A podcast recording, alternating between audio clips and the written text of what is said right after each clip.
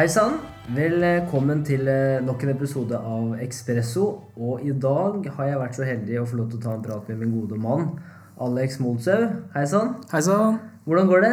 Det går veldig bra. Hva gjør du om dagen?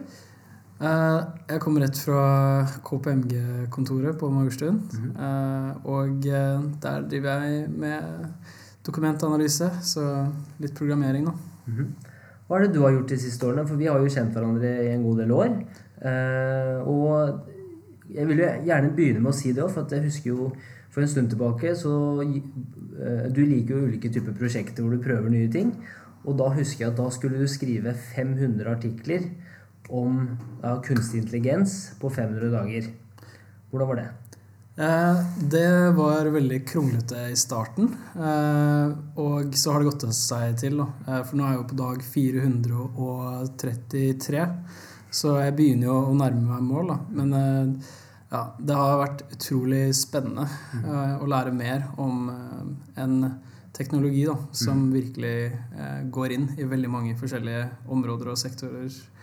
Og hjem, ikke minst, i, rundt omkring i verden. Da. Ja. Men du kommer jo også fra litt ulike vinkler der. i forhold til at Du, du ser på selvfølgelig teknologien, men du ser også hvordan det påvirker på en måte samfunnet, og hvordan det skal passe inn det allerede eksisterende bildet. Men på en måte, hva slags antakelser hadde du når du først fikk den interessen? Da? For det har vært noe som har vokst gradvis, kan jeg tenke meg. Ja, når jeg først hadde den interessen, eh, så var det jo også i et sånn type eh, Altså en slags stemning da, i verden hvor verden ble mer og mer polarisert. Da. Eh, jeg tror at det er mange som har følt på det de siste årene. Og at, at det er ganske mange i, verden som ikke lenger kanskje er like gode venner da, når det kommer til verdensledere, f.eks., men også forskjellige land. Og plutselig så kommer jo en ny teknologi midt inn i, i dette. Og når man da begynner jo å automatisere eh, mye forskjellig i samfunnet, da, men også, eh, også våpen og eh, krigføring og, og, sånne type aspekter, så er det jo det noe som kanskje får henne til å tenke. da. Jeg tenker jo veldig mye på flip-siden, kanskje, da, eller den andre siden av det også, som er hvordan kan man bruke det til noe fornuftig. da. For det kan jo brukes til eh, sikkert mye dårlig, men også veldig mye fornuftig. Og jeg er veldig opptatt av bærekraft. Mm. Så er det mulig å bruke kunstig intelligens eh, for bærekraft? Og er kunstig intelligens eh, bærekraftig? Eller er det sånn at vi kommer til å bruke det til ja, veldig uheldige ting da, mm. fremover? Og den erfaringa du også tok med deg fra YSI, eller Young Sustainable Impact, er jo også kanskje noe som har påvirket den interessen. Kan du, kan du fortelle litt om Young Sustainable Impact? For jeg husker vi hadde Dana Heke. Eh, hvor faktisk det første intervjuet vi hadde av Expresso, det var med Danat. Eh, og for de som på en måte ikke har hørt det intervjuet, hva, hva er YSI, og, og hva er din rolle der, og hva har du lært av det? Så Eh, vi møttes jo på det ledertreningsprogrammet Future Leaders, eh, startet opp av Elin Nørve og en del andre. Og der var det jo en ganske crazy kar, som du også kjenner, med en Majoran Loganatan. Kling gæren. Absolutt. som, som, hadde en idé da, om å spørre folk om de hadde lyst til å gjøre noe for for verden, på en måte. da. Eller sånn Nå er vi på et program her, men bør vi egentlig ikke gjøre noe, da? Så, så det, det, var veldig gøy når han gikk bort til mange forskjellige folk. Og så samla han med et knippe med mennesker, og så satte vi oss ned. Og så skjedde Paris-konferansen akkurat det året, da, i 2015. Um, så var det en sånn tanke om entreprenørskap og bærekraft. Uh, det skal kunne kombineres, da. Og det var litt av grunntanken til, uh, til Young Sustainable Impact, som helt i starten het Green Greentech. Men det navnet var uh, tatt. Det var noen som hadde tatt den nettsiden allerede, så, da, så da, ble det Young Sustainable Impact, da, eller Easy Global. Så, men, men, ja, det var jo en tanke om at vi må tenke innovativt. Vi, vi trenger nye ting mm. nå. Eh, fordi eh, karbonutslippene bare går opp, opp, opp. Eh, og så hvor er de løsningene da, som skal bidra til at vi får det nedover? Ja. Um, så da tenkte vi hva om vi finner de smarteste folka i verden på en måte da, eh, innenfor innovasjon og entreprenørskap? Og hva om vi samler dem i et program sammen? da? Uh, og Første året så var det ikke så mange søkere, men andre året så var det jo 10 000 stykker da, som søkte på det programmet. Det er jo helt sjukt. Og eh, så valgte vi ut 25 av de 10 000, og så året etter så var det jo 12 000. Ja, det har vært eh, det er veldig stor pågang, da, men også er det eh, også opprettet i flere land. Da. Så det har jo eh, Young Sustainable Impact opprettet jo kontorer i, i eh, Singapore, Bangladesh eh, og Kina. Eh, så respektivt i Shanghai, Dhaka og ja, Singapore, da. Ja. Så, så det er liksom noe med kanskje det som ble, gjorde meg mer interessert i økende grad da, i det internasjonale perspektivet. Ja. Eh, spesielt også fordi jeg var ansvarlig for å bygge opp et, eh, et sånn nettsamfunn Mm. eh, hos YSE som heter Earthpreneurs. Da. Ja. Those who wants to make sustainability business as usual. Mm. Um, og vi er jo nødt til det. Mm. Vi, vi vet jo alle at uh, huset brenner, som de sier. Eh, eller bare at um, ja, at verden blir varmere. Da. Uh, det er og det er noe man føler på nå hver sommer. Mm. at, at det blir litt og litt varmere. Mm. I Oslo så er det jo relativt greit, men rundt hele ekvator da, så Mm. begynner folk virkelig å slite med større mengder regn. Eh, masse flod, på en måte, eh, rundt omkring, men også da tørke. ikke sant? Mm. Det er ganske interessant, for det er jo Vi har snakka litt, og det har vært sånn gjenganger eh, av et tema i den podkasten her, da, at eh, på en måte vi i Norge, vi har det jo vi har det veldig godt. Og på en måte status quo for oss, da, som det ser ut nå, er veldig beroligende og avslappende. Så det virker ikke som vi trenger å gjøre noe. Eh, men selvfølgelig gjør vi jo det, men vi har ikke kjent så nært på det, da. Eh, men så så jeg jo de søknadene som dere har fått, eh, fått inn i løpet av årene, og det er jo helt råe mennesker dere har fått med her. og på en måte også liksom at de kommer fra over 180 land, alle disse søknadene her. Vi kan jo begynne med hvordan når man ut til så mange mennesker fra lille Norge, for det er jo også en ting. Hvordan får man inn 12, 12 000 søknader? Ja, det var jo mye sånn, eh, sånn guerrilla-marketing, da. Og så hadde vi jo også Vi fikk jo ganske tidlig med en eh, veldig dyktig eh, markedsfører, da. Eh, Didrik eh, Strøm, på en måte. da. Yes. Han er jo en, han er ganske crazy type. Mm. Eh, og han, han fant liksom en rekke med plattformer der hvor disse tingene allerede var populært, var liksom voksne. Og eh, jeg jobbet jo veldig mye med kommunikasjon, da. Så, så det var på en måte en sånn slags eh, Jeg vet ikke, jeg tror det var en sånn opp, stor oppstandelse kan du si da, etter 2015 også. Mm. Så det var eh, Noe er sånn Noen ganger går man viral. Ja. Ikke sant? Og, men det er, her er liksom tema som bør gå viral. Da, Mm. ikke sant? Bærekraft. Hvordan skal vi hjelpe til? Mm. Hvordan skal vi løse dette? Um, og det, det så jeg også eh, sånn i fjor, da, Mm. den 22. mars i Oslo, når jeg tok det bildet Mm. eh, av eh, hun som sto med den plakaten, som sa You know it's time for change when children act like leaders, Mm. and leaders act like children. Mm. Og det ble jo delt sånn 70 000 ganger, og så ble det delt av Greenpeace. Og det er sånn, dette budskapet går jo viral, på en måte. Mm. da. Eh, og og det, er en positiv, det er kanskje et positivt aspekt da, av det digitale også. At, at et sånn type budskap kan gå viral. da. Mm. Men så har du jo den andre siden Ja. av ting også, som Yes. konspirasjonsteorier Mm. og er hatmeldinger og ja. Mm. På nettet så virker det som folk tør å ta en rolle de ikke ville tatt i det virkelige liv. Det er veldig lett å kunne dele, på en måte slenge ut en kommentar, da. Sånn er det jo, dessverre. Men, men hva slags ambisjoner hadde dere når dere starta? Litt sånn samle de klokeste menneskene fra hele verden. Altså, eh, og hvordan har dere sett det har endra seg? Bare sånn fra UC sitt perspektiv, da. Det er jo en veldig endring nå i at Young Sustainable Impact er i gang med å bygge en digital plattform. Mm.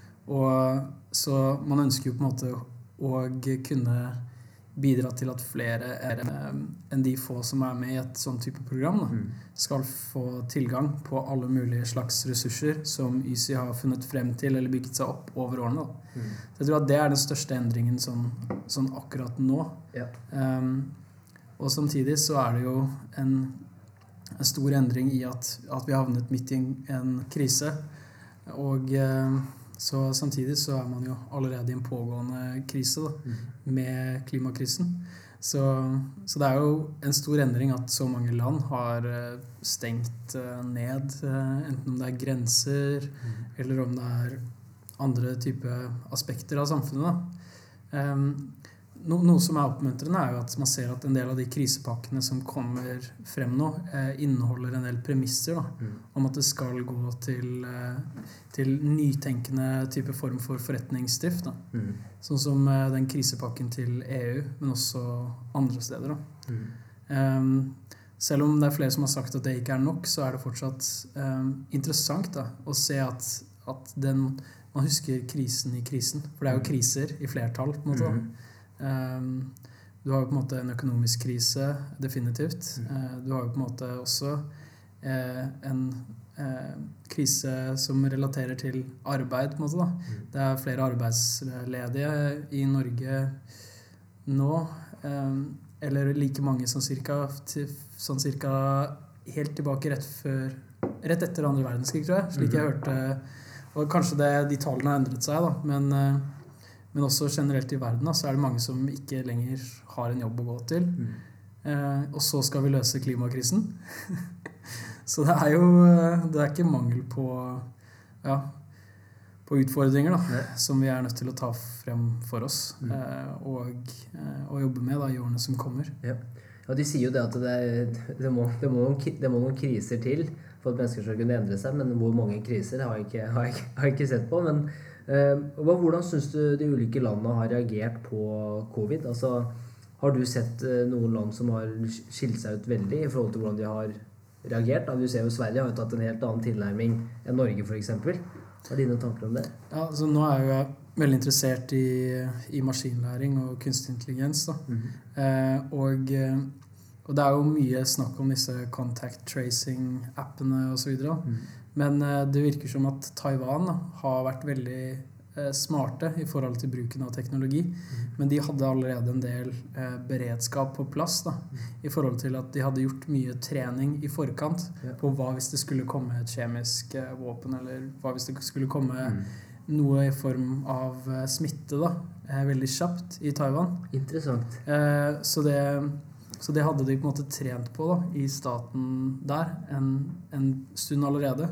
Så de brukte både mye av den øvelse, øvingen de hadde gjort tidligere, men også på en måte mye ny teknologi da, ja. for å kunne finne ut av, um, av hvordan de kunne holde oversikt da, over all, all, denne smitten.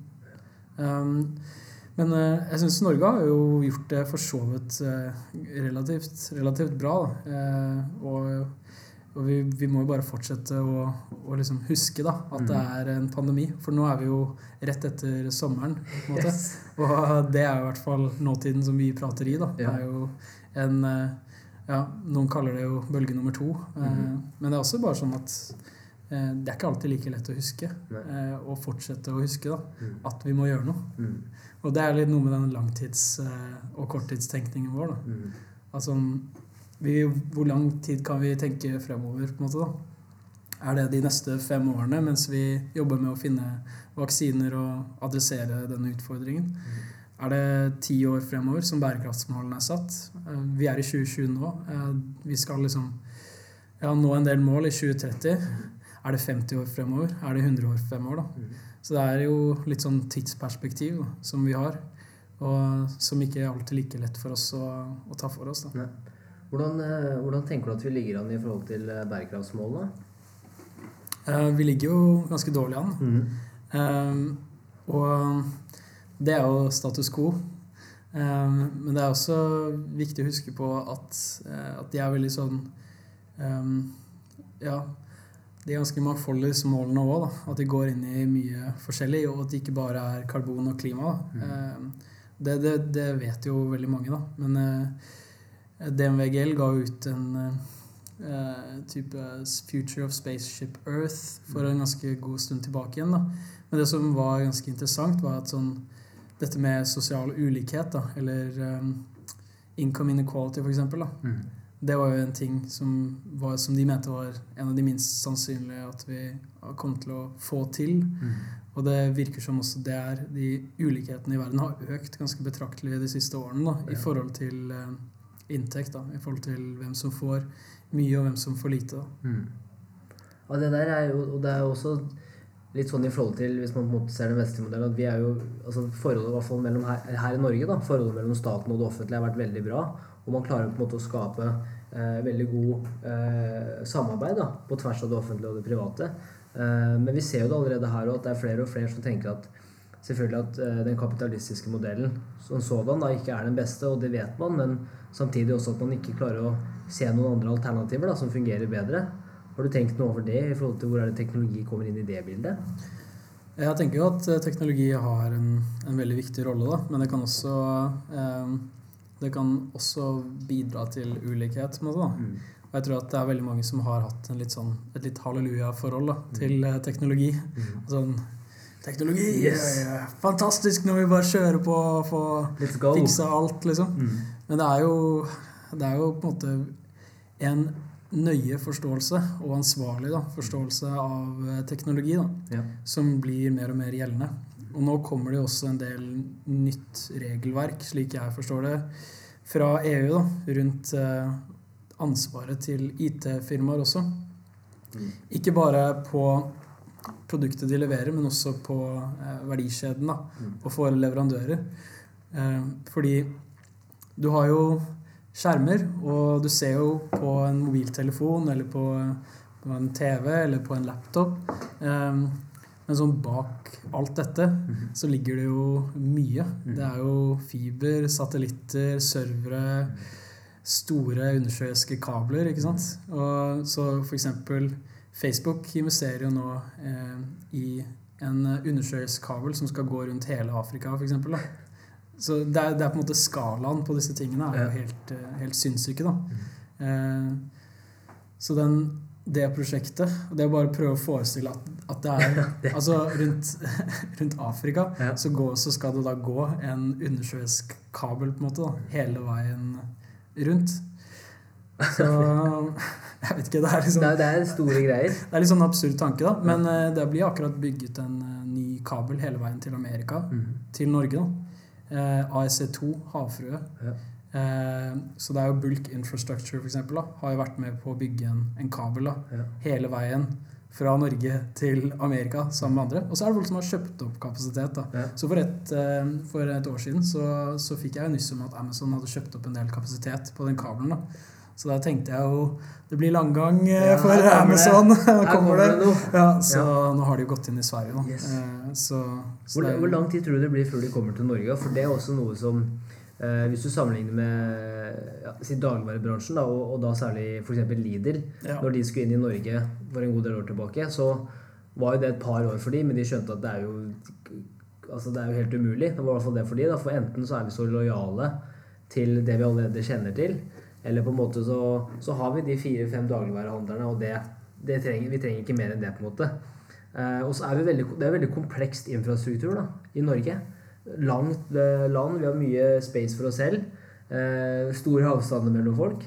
Mm. Eh, hva tror du Amazon vil fokusere på når de kommer i, til Norge? Eller først Sverige, da. Jeg så at de skulle bygge nå et nytt, eh, ja, nytt lager. Var det vel på Trollhettan eller hvor det var? ja. Hva tenker du om det? Nei, jeg tenker at det er mange store eh, teknologiselskaper som allerede har kommet til Norden, da, men ofte mye gjennom uh, infrastruktur og servere. Du har jo f.eks. Google har jo enorme datasentre i Finland, og Facebook har jo et hyperscale-datasenter i Sverige. Ja. Um, så, så liksom de store teknologiselskapene er jo litt inne med infrastruktur her allerede, da. Ja. Men nå blir det jo det er, Dette er jo litt annerledes også, eh, på, på et vis. da. For det er jo også eh, en slags sosial infrastruktur. Og da, Mm. eh, hvordan man behandler arbeiderne sine. Noe som Amazon er jo beryktet for at de absolutt ikke er så veldig flinke til å gjøre. da. yes. Eh, så, og Amazon generelt da, er jo, er jo ganske kjent i teknologibransjen som et av de mest uansvarlige eh, selskapene i, i verden. Mm. Og et av de rikeste. Yeah. Så, så det, er, eh, det er ikke helt umulig å tro at Amazon kommer til å komme til Norge innenfor relativt, eh, relativt kort tid, da, hvis man tar et sånt perspektiv yeah. på noen år. Um, så er jo spørsmålet, som det er i USA i nåtiden, på en måte, da, Mm. om de kommer til å gidde å nå ut til eh, eh, de forskjellige stedene rundt omkring. Og eh, det har jo blitt et demokratisk problem nå i USA, da, med Mm. tanke på eh, post og stemmegivning, da, er at eh, infrastrukturen i USA er jo ikke nå lagt opp til i såpass stor grad og til å kunne levere posten. da, Fordi mange private aktører har tatt over mye av rollene potensielt. da, Eller kan ta over mye av rollene. Ja. Så hvis du bor på et sted som ikke er, lønner seg å levere til, så, så er det ikke sikkert at du får noe levert. da. Så, så det kan jo være problematisk. Men, eh, men ja, Amazon eier jo allerede også mye av den digitale infrastrukturen i form av servere i verden. Så det er nok eh, ganske mange teknologiselskaper for eksempel, da, som bruker AWS Mm. eh, i Norge. da, Så yeah. skytjenestene til Mm. eh, Amazon. Så vi er allerede ganske tett eh, knyttet sammen med dette store selskapet Mm. uten at vi nødvendigvis umiddelbart tenker på det. da. Yeah. Eh, slik, vi, slik jeg nevnte i forhold til hva, hva er bak skjermen. Da. Og det er akkurat det. Vi, vi også er jo Vi bruker jo AWS. Det er jo de som host, eller på en måte Vi er jo hostet i, i Irland. Eh, så, så det er jo sånn at det, jeg merker at det kommer jo nærmere og nærmere. Uansett, så på hvilken som helst måte så er det nesten umulig å komme forbi de store aktørene. da Uansett hva du skal gjøre i dag. Ja. Eh, men hva tenker du at de store aktørene, og da kanskje enkeltindividene bak, får så mye makt? da, For vi så jo Mark Zuckerberg i Kongressen i fjor, eh, og nå er han her igjen. Ja. Hvordan hvordan syns du det gikk, forresten? ja, det er interessant det der. Eh, hvor mange spørsmål de greier å unnvike eh, på rappen, kan du si. da. Yes. Men eh, ja, jeg er jo Tingen er jo at vi, vi bruker jo alle eh, disse selskapene eh, på et eller annet vis. Ellers er vi jo på en måte litt avhengig av det de har bygget opp. Så, men det er, eh, det er liksom det med at såpass mange søk, da, eller all informasjonen folk ønsker å finne, Ja. Eh, ofte passerer gjennom Google på et eller annet vis. Eh, dette med at eh, mange av de plattformene som vi har Hvis du har en telefon, så er det jo fort enten Android, eller så er det jo Apple. ikke sant? Eh, så de har jo på en måte også de plattformene der hvor vi formidler kommunikasjon, og som vi, der vi er som, som mennesker. Og eh, ja, det er jo interessant å tenke på da, hvor, eh, hvor innviklet det er. Men, men om de gjorde en god figur på høringen, det, det er litt uh, vanskelig å si, egentlig. Eh, for det, man, får liksom ikke umiddelbart så mye ut av det. Nei. En kommentar som satt igjen hos meg, da, Ja. det var den om uh, sammenligningen da, på monopol med type jernbanen i Amerika da, og olje, ikke sant? Ja. Rockefeller og disse store, enormt store selskapene i USA før, da, Mm.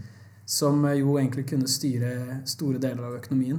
Fordi eh, de bestemte jo litt på en måte hvem som skulle få en ålreit pris Mm. på enkelte strekninger. Eller de kunne, de kunne sette premisser da, for Ja. alle leverandørene. Og ved å sette premisser for leverandørene, så kunne de styre i praksis da, store deler av økonomien. Ja. Det var litt sånn rart, for jeg tenkte på en sånn dokumentar som jeg så da, Mm. om, eh, om eh, mafiaen og sånn Rico-saken. Når, alle Ja, ja. de- når det fikk inn de fire mafialederne. Ja. Jeg var sånn der, eh, det blir jo nesten litt sånn, altså, hvis, man, hvis man tenker i det store bildet av hvor mye makt de her har. Eh, men, men hva tror du i forhold til eh, på en måte det høna eller egget-prinsippet? Altså, kommer reguleringer og på en måte sikkerhet fra myndighetens side først? Eller er det rett og slett vi som forbrukere òg må forstå at ingenting er gratis? For det er veldig Det bare oppleves som at eh, folk ikke kanskje tenker seg 100% igjennom før de, eh, før de oppretter den profilen på Facebook og tenker kanskje at alt er gratis. Eller, og jeg legger ut veldig mye også på sosiale medier og tenker kanskje ikke så mye over all den informasjonen de sitter på meg da, som forbruker. Hva, hva tenker du om det? Jeg tenker at eh, i mange omganger så har dette blitt en del av eh, den infrastrukturen som vi har. da. Mm. Eh, typ, eh, hvordan vi kommuniserer, hvordan vi finner arrangementer, eh, hvordan vi finner frem til kunnskap. Google Scholar, Mm. Microsoft er også en akademisk tjeneste. Altså, både når det kommer til forskning da, og når det kommer til det sosiale privat og ellers, så, så kommer det jo på en måte en sånn slags du bør jo være på disse plattformene, typ. Eh, ellers kan det bli vanskelig å søke jobb. Ja. eh, Ellers kan det bli vanskelig resten, å ja. Jeg tror du kan få deg venner uten eh, digitale medier. altså, Men, det, altså, så husker du Før da, så var det sånn, da ringte jeg kompisen min Ja. eller venninna mi. Da, sånn, da, da prata vi på, på telefon, vi sendte SMS, og kanskje Skype eller Messenger, som du husker. eh, MSN, på en måte. Eh, mens nå er det sånn alle snakker jo på Facebook, og det er liksom gjennom Instagram, det er gjennom Snapchat. Så det er liksom, hvis du ikke er på de plattformene, så virker det som det er utrolig vanskelig å ja, altså, Skjønner mener? Ja. Henge med. Du møter ikke mange som Nei. ikke er på noen plattform. på Nei, jeg har møtt noen, og det første jeg tenker, er bare hva er feil med deg? Det er den øyeblikkelige tanken, ikke sant? men det er jo, det, man skal jo ikke tenke sånn. Nei, det er jo interessant å tenke på liksom eh, hvordan Det blir som med økonomien vår, da, på et vis. da eh, Eller demokrati, for den saks skyld. da Mm. Ja, men hva annet vil du ha, da? Ja. Ikke sant? Sånn, Liker du ikke at eh, Norge tjener mye penger, på en måte, da? Eh, olje, liksom? Mm. Er du imot olje? Ja. Eller sånn, liker du ikke at eh, du har en plattform der hvor du kan finne all informasjon? Mm. Eller eh, liksom, liker du liksom, Hva syns du er noe feil med demokrati? Eller noe sånt, ja, ja. Så, så vi på en måte Vi har jo egentlig type satte sånn, Ikke satte former, da, Mm. for mm. mange av de tingene er jo veldig dynamiske. Men litt sånn ting der vi Det er litt vanskelig å tenke på alternativer, da. Ja. Um, og så er det sånn Da skulle det vært TikTok, på en måte. Og, hvor, og det som skjedde i USA nå, banner jo TikTok. Ja, eller de ba jo Microsoft om å kjøpe opp TikTok i USA, da. Det er sikkert intensifisert for å få til, få til det. ja. Det Hva en det? Eller hva, hva tenker du der? Liksom, for det første, TikTok. Jeg, jeg, har aldri, jeg har ikke brukt det før nå. Jeg tror jeg, begynte, jeg lasta ned forrige uke. Uh, og på en måte Jeg skjønner jo greia. Det er lettlest, og det er liksom, man kan, det er liksom musikk og humor og, og dans inne i bildet. Men det er jo Jeg vet ikke hvor mange brukere de har eh, over hele verden. nå. Er det fire milliarder? Er jeg, helt, er jeg på trynet der når jeg sier det? Eh, Det er jeg ikke 100% sikker på. Eh, Men eh, det som er helt sikkert, det er jo at, at de har jo fått en enorm popularitet. Mm. Men det er jo mer sånn Det du refererte til tidligere, da. Jeg tenker at det er litt mer kleint, på en måte. da Yep. Når Trump er sånn derre Microsoft kjøper opp TikTok, på en måte, så, er, så sier Bill Gates sånn derre Dette er ikke helt eh, det jeg har lyst til, men eh, Og det var også på Twitter, eller? Ja, det, det, er, eh, det er mye kommunikasjon som foregår fra Ja. Trump på Twitter. Men, men det, er, det er liksom også spørsmålstegn da, rundt eh, Er dette ok, da? Ja. Um, og for, for Kina eksempel, så er, det jo, så er jo staten veldig innblandet i selskaper. Og der så er det jo mye mer en kobling med at sånn der Ja, da får vel bare Kina som en stat investere i dette, og så Mm. men mye av eh, den teknologien vi bruker, på en måte da, eh, er jo fra det amerikanske forsvaret. Mm. Eh, servere, blant annet. Da, mm. Datasentre. Amerikansk forsvar, det er jo der de har sin opprinnelse. Og mye kommunikasjonsteknologi, f.eks. Ja. Uten at vi skal gå ned den eh, veien der. Mm.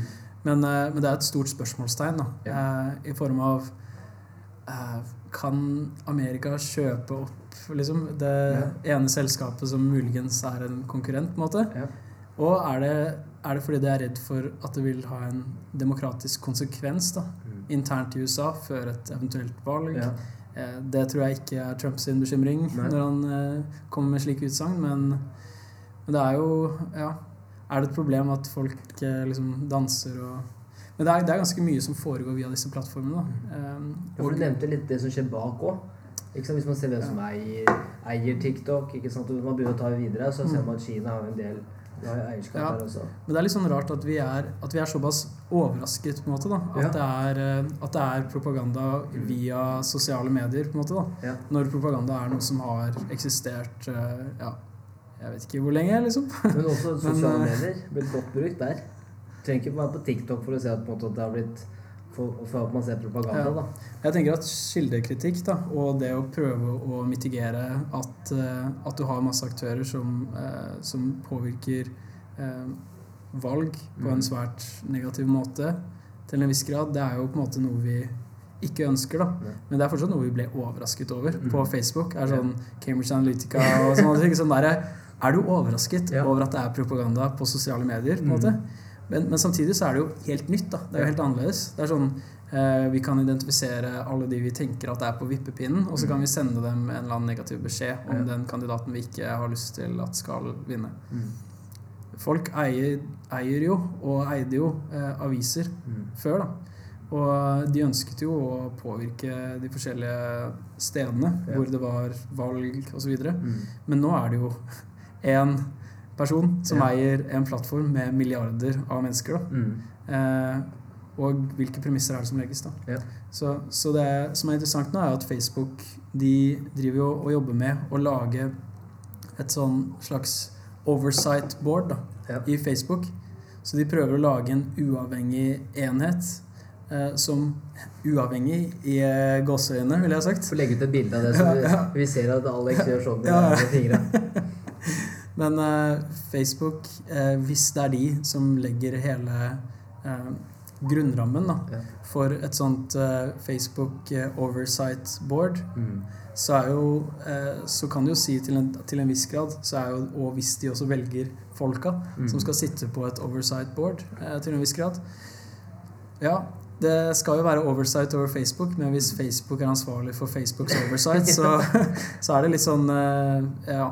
Jeg har jo trukket den linjen eh, noen ganger før, da, men litt sånn eh, hvordan tobakksfirmaene sponset vitenskap på en måte, da, for Mm. å eh, fortelle at røyking er Sunt. som bare det. Ja. Se, det er så mange leger som gjør det. Mm. det men, men det er sånn jeg, jeg er ikke nødvendigvis helt på den, og dette er ikke helt det samme nødvendigvis. da. Men det er viktig å være litt obs på, eh, på hvordan, eh, hvordan vi holder disse selskapene ansvarlige da, for de forskjellige handlingene de gjør. Ja.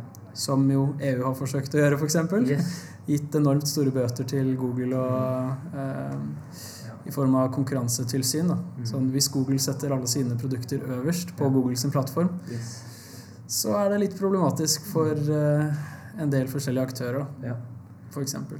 Men det med, men det med kildekritikk, hva, hvordan, kan vi, hvordan kan personen i gata sørge for at man er bedre eh, på en måte rusta da, for eh, hva skal man si, buzz og, og fake news, da, for å sitere en person jeg ikke er helt fan av, men for hvert fall hvordan kan, man, hvordan kan man stå bedre stilt i forhold til mediene og vite hva er det som er riktig og hva er det som er gærent? Hvordan gjør du det på en måte når du ser at det er så mye medier? Du er jo en person som leser mye òg. Leser deg veldig mye opp på ting og, og, og, og klarer å få inn veldig mye informasjon. da. Og er, har du satt av noen, måte, noen regler eller noen, eh, noen verktøy for hvordan du kan klare å unngå å ikke eh, falle i den fella? da?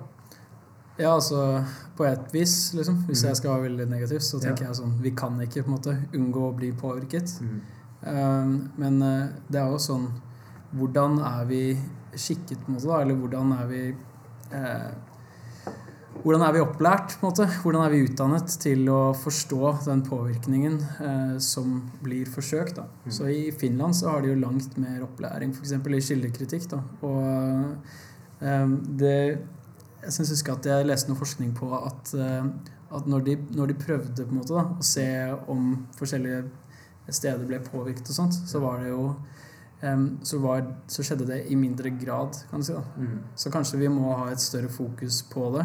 Mm. Også et større fokus på hvordan vi påvirker. da. Jeg tror også det er mange universiteter som ikke vet Yep. eh, så veldig mye om det. Mm. Og det er ikke sånn at uh, hvis vi f.eks. går til SV, da, i, eh, eller på Universitetet i Oslo Mm. i, uh, Her i Norge så er jo det det største universitetet og et av de største miljøene for samfunnsvitenskapelig forskning. Ja. Det er ikke alltid like enkelt for meg å finne eh, samfunnsvitere som har et sånn sterkt digitalt fokus, da, eller hvilket i miljø som er eh, veldig orientert mot dette. Mm.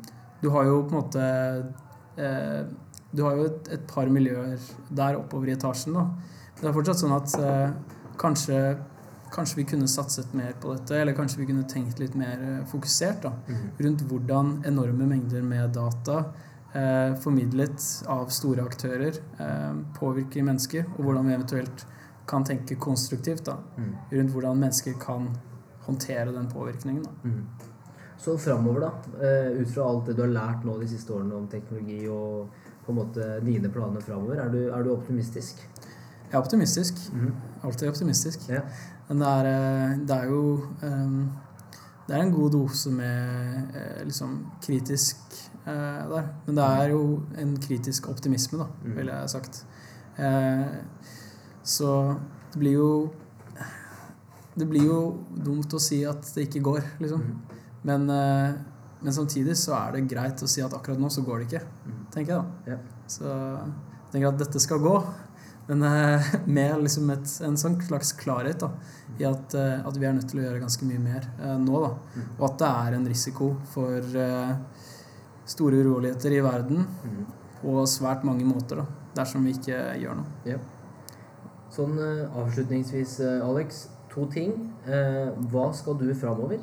For du skal jo nå begynne å studere litt mer spennende ting som jeg også syns er veldig interessant. Og hvor er det folk kan finne deg på nettet hvis du ønsker å lære mer? Og, så, som du sa, nå var du på 433. Ja. Tredje artikkelen av, eh, av kunstig intelligens på 500 dager. Og så litt sånn, Hva er dine planer eh, framover? Så det er jo veldig spennende dette med å forsøke da, eh, til en viss grad å kombinere samfunnsvitenskap og programmering. Og Det er jo derfor det er et nytt felt som heter social data science. da, men det handler jo akkurat om det, da. Så, så det er jo et eh, måte, Det er en forskningsavdeling på Alan Turing-instituttet i, i, eh, i, Storbritannia som er fokusert på dette. Og så har de en master i, eh, på tre universiteter i Europa òg, hvorav en av de universitetene er i Danmark, da, mm. som er nærmest. Yeah. så jeg kommer til å pendle litt eh, frem og tilbake til eh, København. da mens jeg jobber hos, eh, hos, KPMG nå. Det viktigste for meg, det er at eh, jeg kan få brukt eh, alt jeg lærer, da, mens jeg lærer. Ja. Og det er veldig viktig å tenke da langs disse årene, når de går, da om eh, hvordan kan jeg bruke teknologi, da, hvordan kan jeg bruke programmering for å eh, ha en slags form for positiv innvirkning da, på, på, den diskusjonen rundt bærekraft. Da. Og akkurat så ser jeg at det er nok et lite problem i teknologibransjen akkurat nå. da. At det ikke er nok fokus på dette leverandøransvaret. Eh, at vi er nødt til å tenke mer på bærekraft langs hele linja.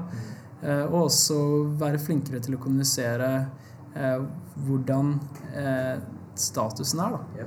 Så eh, hvis, eh, hvis, alle datasentre i Norge hadde vært eh, koordinerte på å måle type, hva slags utslipp de hadde, hvis de samarbeidet rundt det i kanskje enda større grad, hvis vi hadde et nordisk samarbeid for bærekraft og kunstig intelligens, hvis vi tenkte litt på hvordan vi kan kombinere spennende temaer da, for å enten mitigere store feil, fordi vi trenger å forhindre de eh, fatale konsekvensene som kan forekomme dersom vi ikke feilskyter eller på en måte troubleshooting. Da. Yep.